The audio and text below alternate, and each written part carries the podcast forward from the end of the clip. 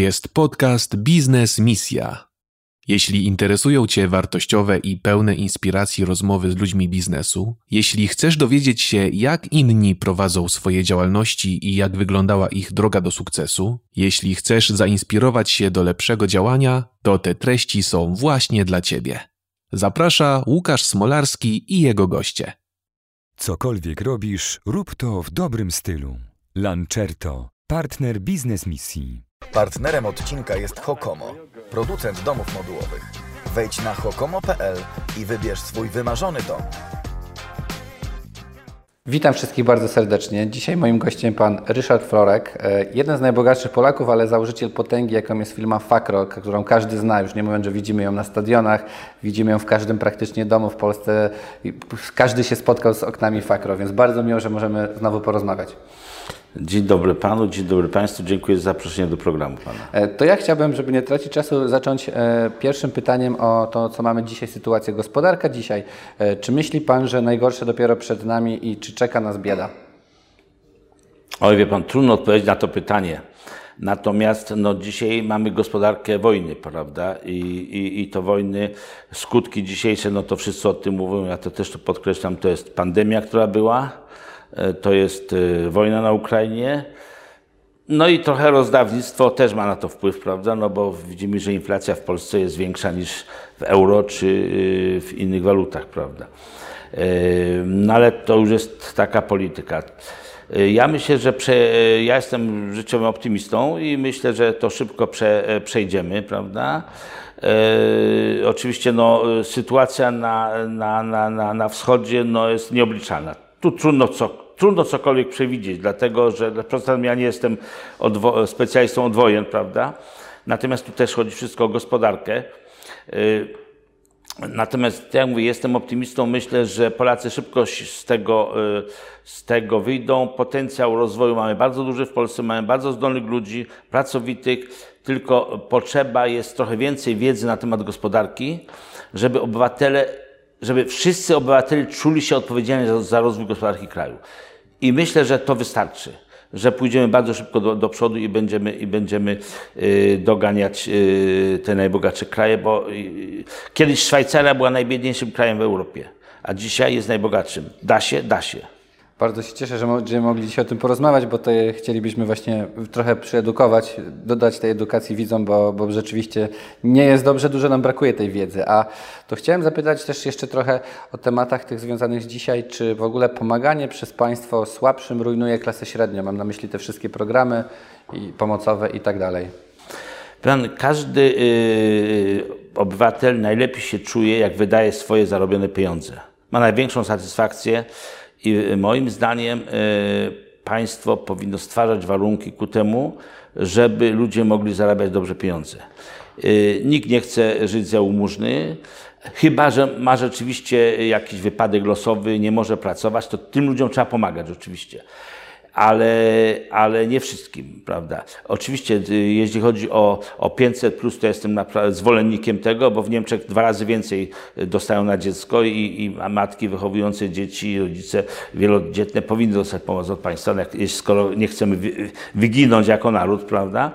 Y, natomiast wszystkie kolejne czternastki, kolejne inne, że tak powiem, drukowanie pieniędzy, rozdawanie ludziom, no, skutkuje inflacją.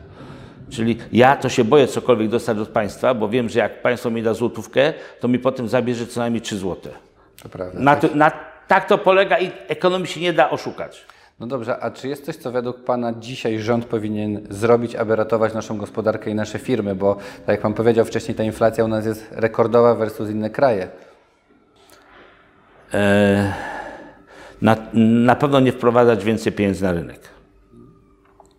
Ja myślę, że ta, ta edukacja tu jest najważniejsza, bo tego, wprowadzając kolejne pieniądze na rynek, potęgujemy do kwadratu inflację. Y, więc więc y, inflacja jest wtedy, kiedy, kiedy na rynku jest więcej pieniędzy jak towarów. Czyli jeżeli więcej dostajemy niż wypracowujemy, wtedy jest inflacja. Bo to ekonomia to szybko koryguje. Więc żeby wyjść z tej inflacji, Trzeba postawić na gospodarkę, eliminować bariery, które są, a tych barier bardzo, bardzo dużo. te bariery eliminować. Przede wszystkim bardzo duża rezerwa jest w kapitale społecznym, żeby Polacy zrozumieli, skąd się biorą pieniądze, jak funkcjonuje globalna gospodarka, ponieważ my jest, znajdujemy się w gospodarce globalnej. Prawda? Na pewno bardzo dobry jest ten program yy, ministra Czarnka, yy, który będzie, yy, ten nowy program w, w szkołach, yy, ekonomia biznes chyba, coś takiego, który będzie miał szerszy zakres, Y, lekcyjny i będzie można z tego maturę zdawać. Myślę, że to jest szczał o to, zresztą myśmy cały czas też postulowali, y, żeby, żeby tą edukację jak, naj, jak najszybciej wprowadzić do szkół, żeby, żeby, żeby polskie społeczeństwo było tak wyedukowane, jak społeczeństwo bogatych krajów. Odnośnie w ogóle zmiany systemu podatkowego, czy ma Pan jako przedsiębiorca pomysł na to, jak można by go usprawnić? Dzisiaj, no, jak Pan sam wie, Nowy Ład jest tak często zmieniany i inne rzeczy, że nawet doradcy podatkowi mają problem. E, Fundacja Pomysł o Przyszłości od, e, od co najmniej 10 lat postulowała wprowadzenie podatku motywującego przedsiębiorców do rozwijania firm. Mieliśmy problem, jak go nazwać, ale w końcu okazało się, że w Estonii podobny podatek jest i dlategośmy go nazwali estońskim i potem się to przyjęło już też jako podatek estoński, ale to nazwę myśmy wymyślili dlatego, że żeby pokazać, że to się da w Unii wprowadzić. Na czym to polega? Na czym, bo jeszcze też powiem, bo nie wszyscy wiedzą, że coś takiego jest, jest za mała promocja tego podatku. Czyli dopóki firma inwestuje, nie płaci podatku y, CIT, tylko trzeba być spółką z ograniczoną odpowiedzialnością. I wtedy dopiero jak się wyciąga pieniądze z firmy w postaci dywidendy, razem z dywidendą płacimy podatek CIT. Czyli dopóki inwestujemy, nie płacimy podatku. To jest jedna wartość. Druga wartość jest taka, że Urząd Skarbowy nie ma co kontrolować. Bo on tylko kontroluje, ile pieniędzy żeśmy wyciągnęli z, yy, w formie dywidendy i od tego nakłada podatek. Więc wszystkie upierdliwe kontrole po prostu yy, praktycznie nie mają sensu. Yy, więc, więc, więc myślę, że jedną trzecią pracowników Urzędu Skarbowego można przeznaczyć do gospodarki. No zdecydowanie, to, to jest dobry pomysł. Ciekawe, czy jak właśnie na to yy, politycy, jak to jest przyjmowane? No właśnie, yy, ten podatek został już wprowadzony. Na początku bardzo, w bardzo ograniczonym stopniu, więc tylko kil, tam chyba 300 firm z tego korzystało. Y, potem w Nowym Ładzie, to jedyna chyba dobra rzecz z Nowego Ładu, że wiele, no, było tam parę rzeczy, oprócz tych złych było jeszcze parę rzeczy dobrych. Y, y, chodziło o to, że trochę tych, tych ograniczeń usunięto, czyli więcej firm mogło już korzystać z tego, te pułapki, jak gdyby, te ograniczenia, które były pewnymi pułapkami, zostały usunięte. E, w tej chwili jeszcze brakuje, e, jeszcze, jeszcze są ograniczenia, bo firmy, które e, mają swoje oddziały zagraniczne, nie mogą z tego korzystać. I to ograniczenie też rozmawiałem z premierem Morawieckim, żeby go jak najszybciej usunąć. Premier obiecał, że to też usunie z czasem. Bo dla firm, które najbardziej tego potrzebują, naj, są najbardziej efektywne dla rozwoju gospodarczego kraju, nie mogą z tego podatku skorzystać. Ale zachęcam wszystkich, żeby się przyglądali podatkowi estońskiemu i, i, i, i, sprawdzili, czy, czy oni mogą z niego korzystać, bo to jest naprawdę dobra, do, dobre rozwiązanie i na razie świat nic lepszego nie, nie wymyślił. Po, po wojnie w Niemczech y, coś takiego funkcjonowało po prostu i jak się szybko Niemcy po wojnie rozwijali. Dopiero jak Niemcy, jak się rozszerzała Unia Europejska, Niemcy z tego zrezygnowali oficjalnie, ale mają inne metody, że tak powiem, dopłacenia do, do przedsiębiorstw, których chcą. A to jeszcze mam takie pytanie, jak Pan poruszył temat właśnie rozmowy z politykami, czy rzeczywiście dzisiaj politycy słuchają przedsiębiorców, jakby są jakby z tymi przedsiębiorcami, czy, czy rzeczywiście jest, są blisko właśnie biznesu? Trudno, e, trudno mi się wypowiadać, wydaje mi się, że dużo za mało. E, na przykład kiedyś przeglądaliśmy, e, z kim się spotyka szefa Komisji Europejskiej do spraw konkurencji pani Vestager, Dunka, to połowę swoich służbowych spotkań ma z przedsiębiorcami duńskimi nie polskimi, pomimo że jesteśmy w Unii, nie y, czeskimi czy niemieckimi, tylko z duńskimi, prawda. Także, że, że y, no, Ja myślę, że, że premier Morawiecki tutaj mm, bardzo y, chciałby rozwijać tą polską gospodarkę, tylko y, ten poziom niżej to dba tylko o swoje interesy, prawda, zamiast, zamiast reformować, prawda, bo nie wystarczy chcieć, trzeba zmieniać ustawy. Chcą, wszyscy chcą lepiej żyć, tylko jak? No trzeba zmieniać ustawy, które blokują rozwój gospodarki. A myśmy wysłali y, kilkanaście propozycji zmian i nawet odpowiedzi z Ministerstwa, Finansów, z Ministerstwa Gospodarki nie było.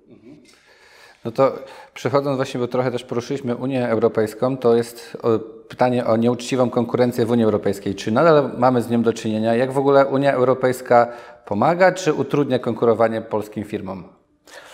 Czy generalnie prawo yy, o nieuczciwej konkurencji bądź antymonopolowe, prawda, jest dobre.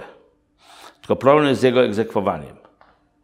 Dawniej komisja zajmowała się wszystkimi sprawami, które do niej trafiały, ale z chwilą, kiedy nastąpiło rozszerzenie Unii, e, Komisja do Spraw Konkurencji ustaliła, że będzie wybierała sobie tylko sprawy, które będzie, które będzie prowadziła i ona będzie oceniała, które sobie wybiera, prawda, które, które najbardziej służą Unii Europejskiej. No ale jak, jak, jak był... Natomiast ostatnio, jak analizowaliśmy yy, skargi polskich firm do Komisji Europejskiej, no to praktycznie wszystkie nie miały priorytetu interesu Unii Europejskiej. Komisja je odrzucała, po prostu nie badała je, bądź wstępnie przebadała, uznała, że to nie jest Unii, interes Unii Europejskiej i odrzucała po prostu. I to jest, y, to jest problem. Natomiast po to, żeby się Polska rozwijała, to naprawdę potrzebny, potrzebny jest w Polsce y, dobry system ochrony konkurencji na wzór przynajmniej Austrii czy innych krajów Unii Europejskiej. Polska ma najgorszy system ochrony konkurencji. Na czym to polega?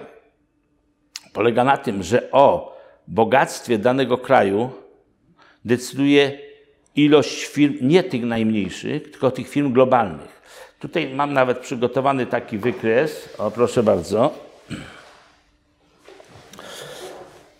Kolor czerwony to jest y, wartość PKB na osobę. Wartość PKB na osobę to inaczej to jest średnia wynagrodzeń w kraju. To jest bardzo podobne. Y, wartość PKB na osobę i tu mam poszczególne kraje. Tu jest Dania, Austria, Szwecja, Finlandia, Hiszpania, Czechy, Węgry, Polska. Y, ten kolor niebieski to jest ilość firm globalnych, przeliczeniu na 5, na 5 milionów mieszkańców, no bo do najmniejszego kraju żeśmy to y, zredukowali. Czyli ilość firm globalnych, z, rodzimych z danego kraju, które, których siedziba jest w danym kraju i kapitał jest z tego kraju, na 5 milionów mieszkańców. I zobaczmy, prawda, Jesteśmy jak to wygląda. Czyli, miejscu, czyli tak. jeżeli chcemy, chcemy więcej zarabiać, to jak w bogatych krajach, nie ma innego wyjścia. Musimy mieć własne firmy globalne. To pokazuje statystyka, to poka mógłbym wiele innych takich również statystyk pokazać, prawda? Dlaczego tak się dzieje? Dlaczego te firmy globalne mają taki duży wpływ na wzrost wynagrodzeń? Na, yy, na, na, na, na, PKB. Na PKB, no bo wartość PKB na osobę no to, jest mniej więcej, to jest mniej więcej średnia wynagrodzeń, średnia wynagrodzeń w danym kraju. To wytłumaczę na kolejnym slajdzie, który tutaj mam. To jest przykład, to jest, bo to jest bardzo ważny slajd. Przykład kosztów jednostkowych w cenie produktu, który jest wyprodukowany w Polsce przez duński koncern i sprzedany w Niemczech. To jest zrobione na podstawie danych finansowych, czyli te cyfry są bardzo, bardzo yy, dokładne. I oczywiście jest to zrobione w skali, tak żeby nie trzeba patrzeć na, na, na, na, na cyfry, tylko widzieć mniej więcej yy, wielkość. Czyli tutaj mamy koszty surowców, tu mamy koszty produkcji w Polsce. Produkt wyprodukowany w Polsce jedzie prosto do Niemiec, tu mamy koszty sprzedaży w Niemczech i firmy duńskiej, yy, czyli globalnego koncernu, a to są już koszty, to już jest rabat dla dystrybutora i do tego dochodzi VAT i cena, którą klient płaci za produkt. Natomiast faktura z Polski idzie najpierw do Danii. Dania dokłada wartość po prostu duńską, czyli pewien narzut, i po tej cenie sprzedaje do swojej spółki córki w Niemczech i ta, po tej cenie sprzedaje do sieci handlowej. Sieć handlowa może od tego dawać upusty jeszcze, bądź po tej cenie sprzedawać do klienta. I popatrzmy teraz, jaki to ma wpływ na zarobki. Y, załóżmy, że surowce w połowie są polskie, w połowie są z zagranicy, czyli do Polski trafia tyle. To jest ta wartość dodana, która powstała w Polsce. Z tego produktu tyle powstało w Polsce i o tyle zwiększyło polskie PKB na osobę, tyle trafiło do Danii i o tyle zwiększyło zarobki Duńczyków, tyle trafiło do Niemiec i o tyle zwiększyło zarobki Niemców. Oczywiście tam, gdzie jest konsumpcja, tam są wydawane pieniądze i tam zostaje zawsze najwięcej. Ale zwróćmy uwagę na to, to nie Polska, która wyprodukowała ten produkt, Zarabia najwięcej. Tylko za, najwięcej zarabia globalny koncern, który zarządza całym tym procesem. Tu ludzie pracują rękami, a tu ludzie pracują głową. I to tłumaczy, dlaczego w Polsce zarabiamy mało, a w, a w Danii zarabiamy dużo. Bo tam zarabiają nie tylko głową, ale i kapitałem. Bo żeby zarządzać takim procesem, potrzeba i kapitału, korzyści skali i wiele, wiele innych rzeczy. I to pokazuje, że te firmy, te, te kraje, które mają takie koncerny, które, które z globalnego rynku wysiewają ten, tą śmietankę, mają wysokie zarobki. Te kraje, które tylko pracują na liniach montażowych, prawda, y, montują produkty zachodnich koncernów, y, też mają, no fajnie, bo lepsza jest zupa niż nic, prawda, jak ktoś jest głodny. Ale Polacy chcieliby mieć i drugie danie, i deser. Ale to, ale to dopiero leży tutaj. Czyli im więcej będziemy mieli centrali w Polsce, tym bardziej będziemy Polskich firm, rodzimych polskich firm globalnych. Oczywiście, jakby ta duńska firma przeniosła swoją całą centralę do Polski i, i to to by zostawało tutaj po prostu. Tylko, tylko takie przypadki są nieliczne po prostu. Przeważnie firma jest w tym, w tym kraju, gdzie w tym kraju jest kapitał, prawda? Gdzie, gdzie mieszka właściciel po prostu. Dlatego to jest tak ważne w odpowiedzi na pytanie, dlaczego jedne kraje są bogate, inne kraje są biedne. A tutaj jeszcze pokażę przykład z, z rynku okien dachowych. Polska produkuje 50, co najmniej 50% światowej produkcji okien dachowych. Natomiast zysku z tego globalnego rynku w Polsce zostaje tylko tyle. To trafia do Danii w większości.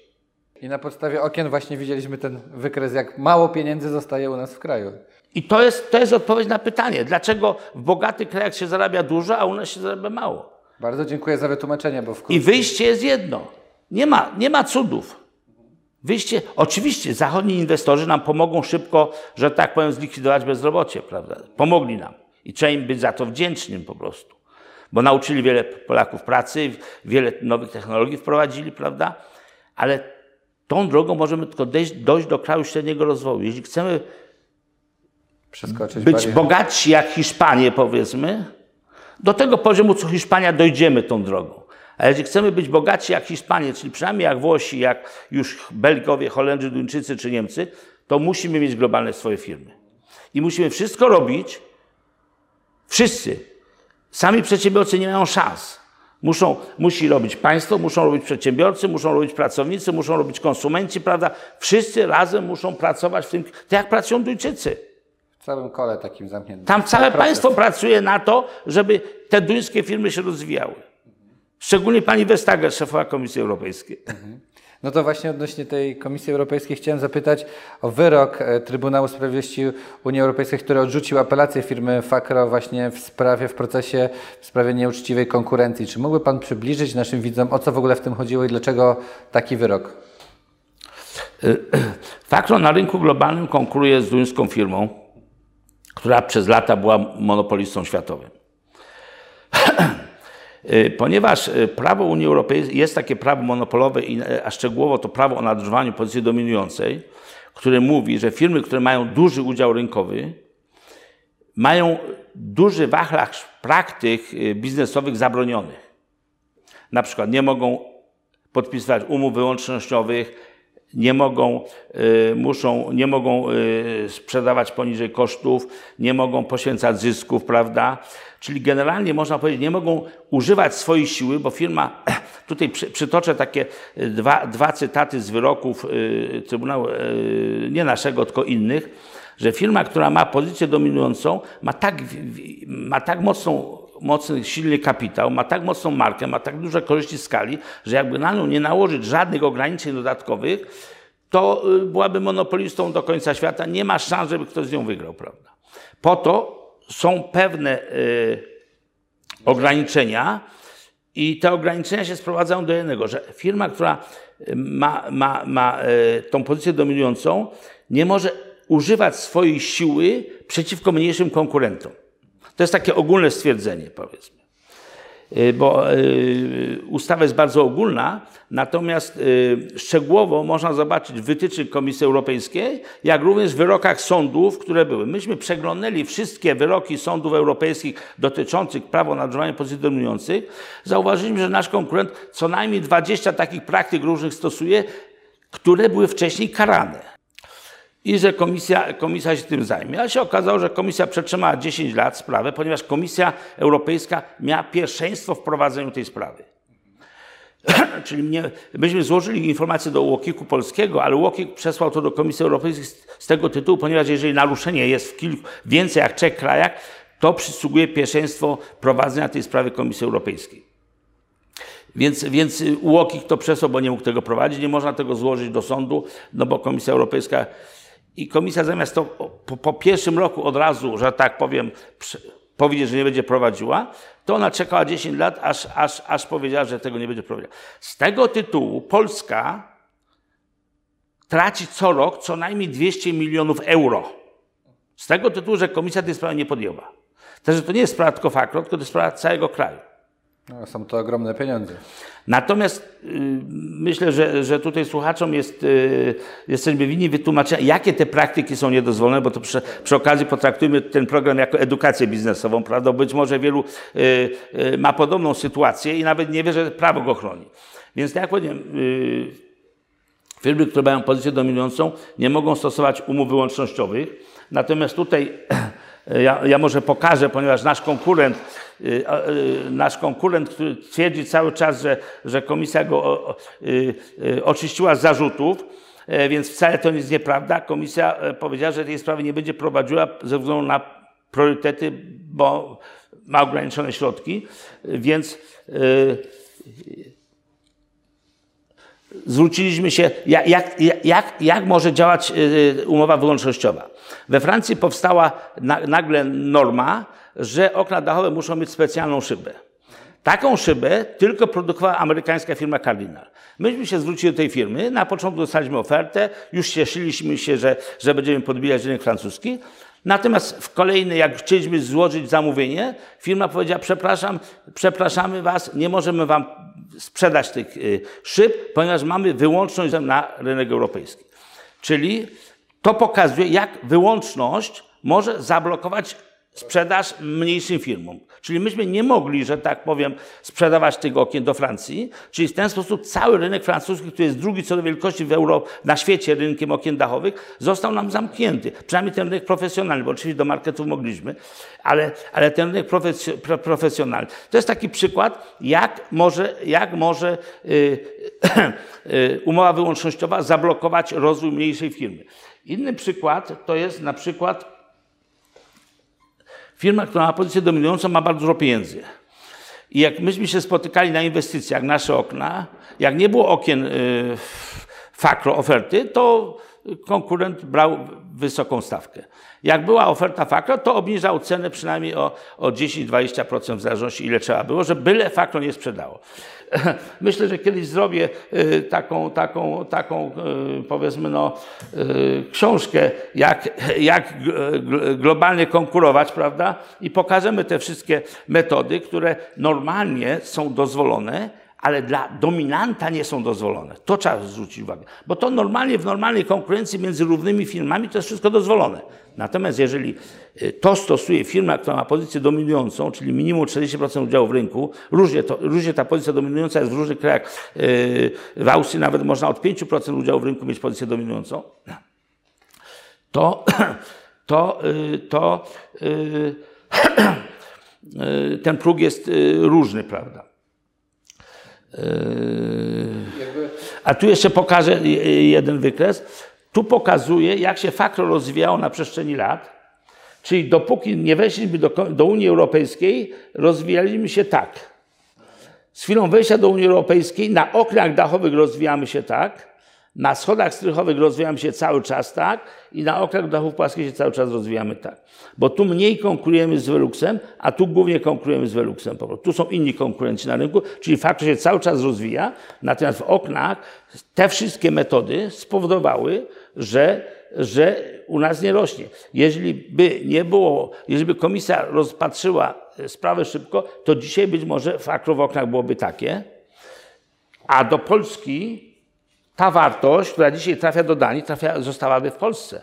O tyle Polacy y, mieliby wyższe wynagrodzenia. Myśmy to tak mniej więcej oszacowali, że to jest minimum 200 milionów euro rocznie tylko z, y, tylko z rynku okien dachowych. Tylko, tylko z, tego, z, z tego tortu. Tutaj byłoby nie 2%, tylko przynajmniej, przynajmniej yy, 40%, może nie 50, ale 40. Ja mam pytanie, czy jak Pan się spotyka też z innymi przedsiębiorcami, to też Pan y, słyszy o tym, że też mają taki problem na arenach międzynarodowych? No bo mamy też trochę firm z Polski, które są na arenie międzynarodowej. Czy to są też y, podobne problemy? Y, u nas jest ta różnica, że my y, walczymy na szczycie. Walka num firmy numer jeden na rynku globalnym z firmą numer dwa, prawda?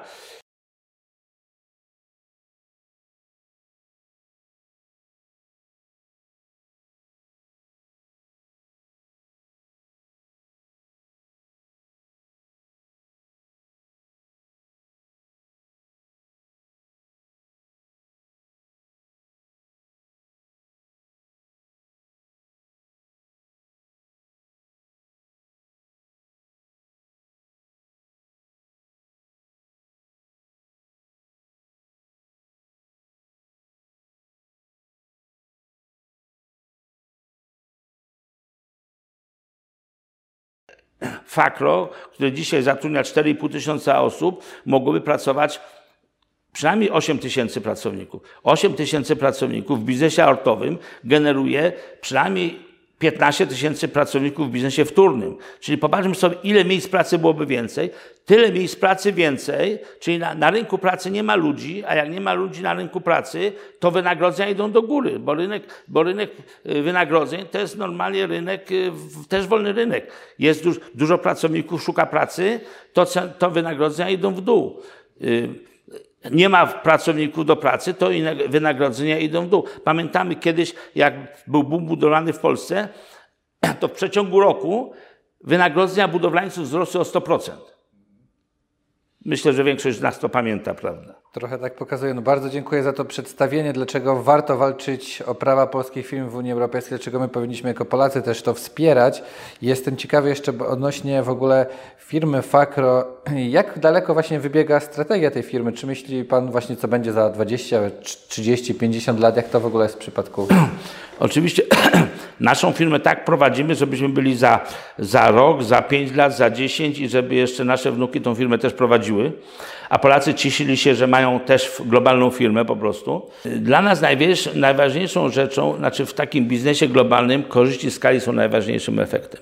Czyli im się ma większą yy, produkcję, im się ma większy udział w danym rynku, tym są niższe koszty dystrybucji. Czyli być może, jeśli nam by udałoby się być jeszcze dwa, trzy razy większym, to ceny okien dla klientów byłyby jeszcze niższe po prostu, szczególnie w bogatych krajach, prawda? Bo dzisiaj tam przepłacają, dlatego że tam nie ma konkurencji, prawda? Tak samo w Polsce. Nasze okna w Polsce byłyby tańsze, bo mielibyśmy niższe koszty, bo korzyści skali by to spowodowały. Yy, mając niższe ceny, łatwiej by nam było też zdobywać rynki zagraniczne. Stąd też wspólnicy Fakro od samego początku 100% zysku przeznaczają na inwestycje. Inwestycje w rozwój produkcji, w rozwój rynków. Yy, dzisiaj na przykład bardzo dobrze nam idzie yy, sprzedaż i wzrost w Stanach Zjednoczonych. Mieliśmy 100% wzrostu na przykład na przestrzeni ostatnich rok do roku. Także, że, że tutaj, yy, tutaj się bardzo dobrze rozwijamy, nie tylko w oknach dachowych, ale również w schodach strychowych. W schodach strychowych być może, że już jesteśmy numerem jeden na świecie po prostu, bo, bo ta synergia schodów z oknami pozwoliła nam po prostu czasami wejść z oknami, bo weszliśmy najpierw ze schodami, to potem łatwiej nam było do klienta wejść z oknami, bądź odwrotnie, ponieważ byliśmy już z oknami, no to łatwiej było nam wejść ze schodami, czyli ta synergia trochę obniżyła nam trochę koszty dystrybucji, stąd też tak szybko udało się nam osiągnąć sukces w schodach.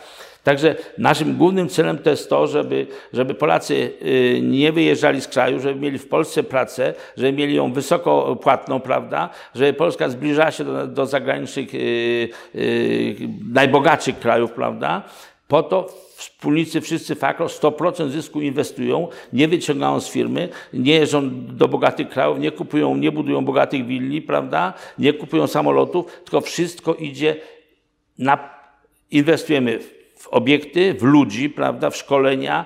Y, oczywiście no, każdy przedsiębiorca płaci tyle, ile musi, czyli bo, bo, bo, wy, bo, bo, bo o, wy, o wysokości wynagrodzeń nie, działa, nie decyduje przedsiębiorca, tylko rynek. Oczywiście jakieś tam małe możliwości też ma przedsiębiorca, ale nie za duże po prostu. I tak to staramy się robić. I myślę, że yy, Fakro szybko yy, dalej się będzie rozwijało, ale głównym naszym celem to jest powiększenie korzyści skali w branży okien dachowych. To Panie Ryszardzie, kończąc, czy jest coś, co chciałby Pan przekazać naszym widzom? Ja bardzo też dziękuję za, tak jak ponad godzinę naprawdę praktycznej wiedzy. Także żałuję, że nie mamy całego dnia, bo pewnie byśmy po Panem jeszcze mogli... No można godzin. byłoby wszystkie tematy rozwiązać. Najważniejsza, najważniejsza rzecz, żebyśmy po prostu zmienili swoje głowy, czyli, bo u nas jest ten problem, że, że y, mamy już kapitalizm, ale głowa została gdzieś w komunizmie jeszcze po prostu.